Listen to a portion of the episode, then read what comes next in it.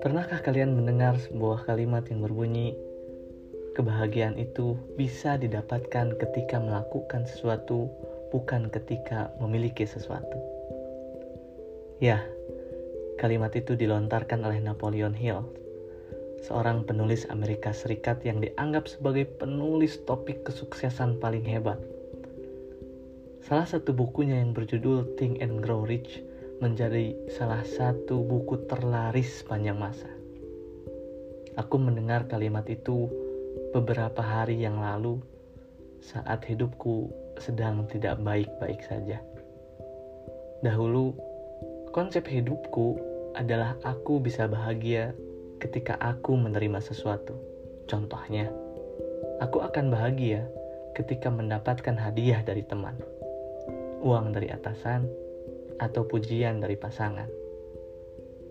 Aku merasa seperti wadah kosong yang siap menerima setiap kebahagiaan, yang dengan kata lain selalu ada ruang kosong untuk menerima. Namun, lambat laun aku menyadari bahwa konsep hidupku tidak sepenuhnya benar. Aku memang berhak bahagia, tapi menerima kebahagiaan bukanlah satu-satunya cara untuk bahagia. Aku bahagia bahkan saat aku memberikan kebahagiaan untuk orang lain.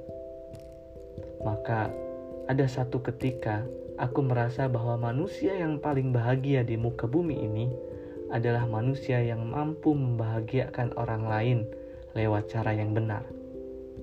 Dan bila kita berbicara tentang cara membahagiakan, maka di sini aku pun harus mempertegas diriku dan kalian bahwa membahagiakan bukan melulu tentang mengiyakan semua permintaan orang lain, memohon orang lain yang ingin pergi untuk bertahan, atau membiarkan orang lain mengambil hati dan pikiran kita.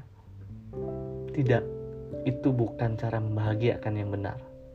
Bagiku, cara membahagiakan yang benar adalah melepaskan apa yang sepatutnya dilepas, memperjuangkan apa yang selayaknya diperjuangkan, membenci apa yang seharusnya dibenci, dan mencintai apa yang selayaknya dicintai.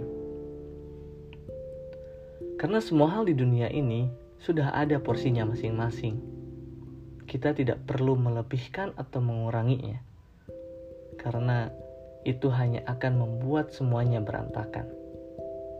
Dan lewat membahagiakan orang lain, aku percaya bahwa kita bisa mendatangkan kebahagiaan.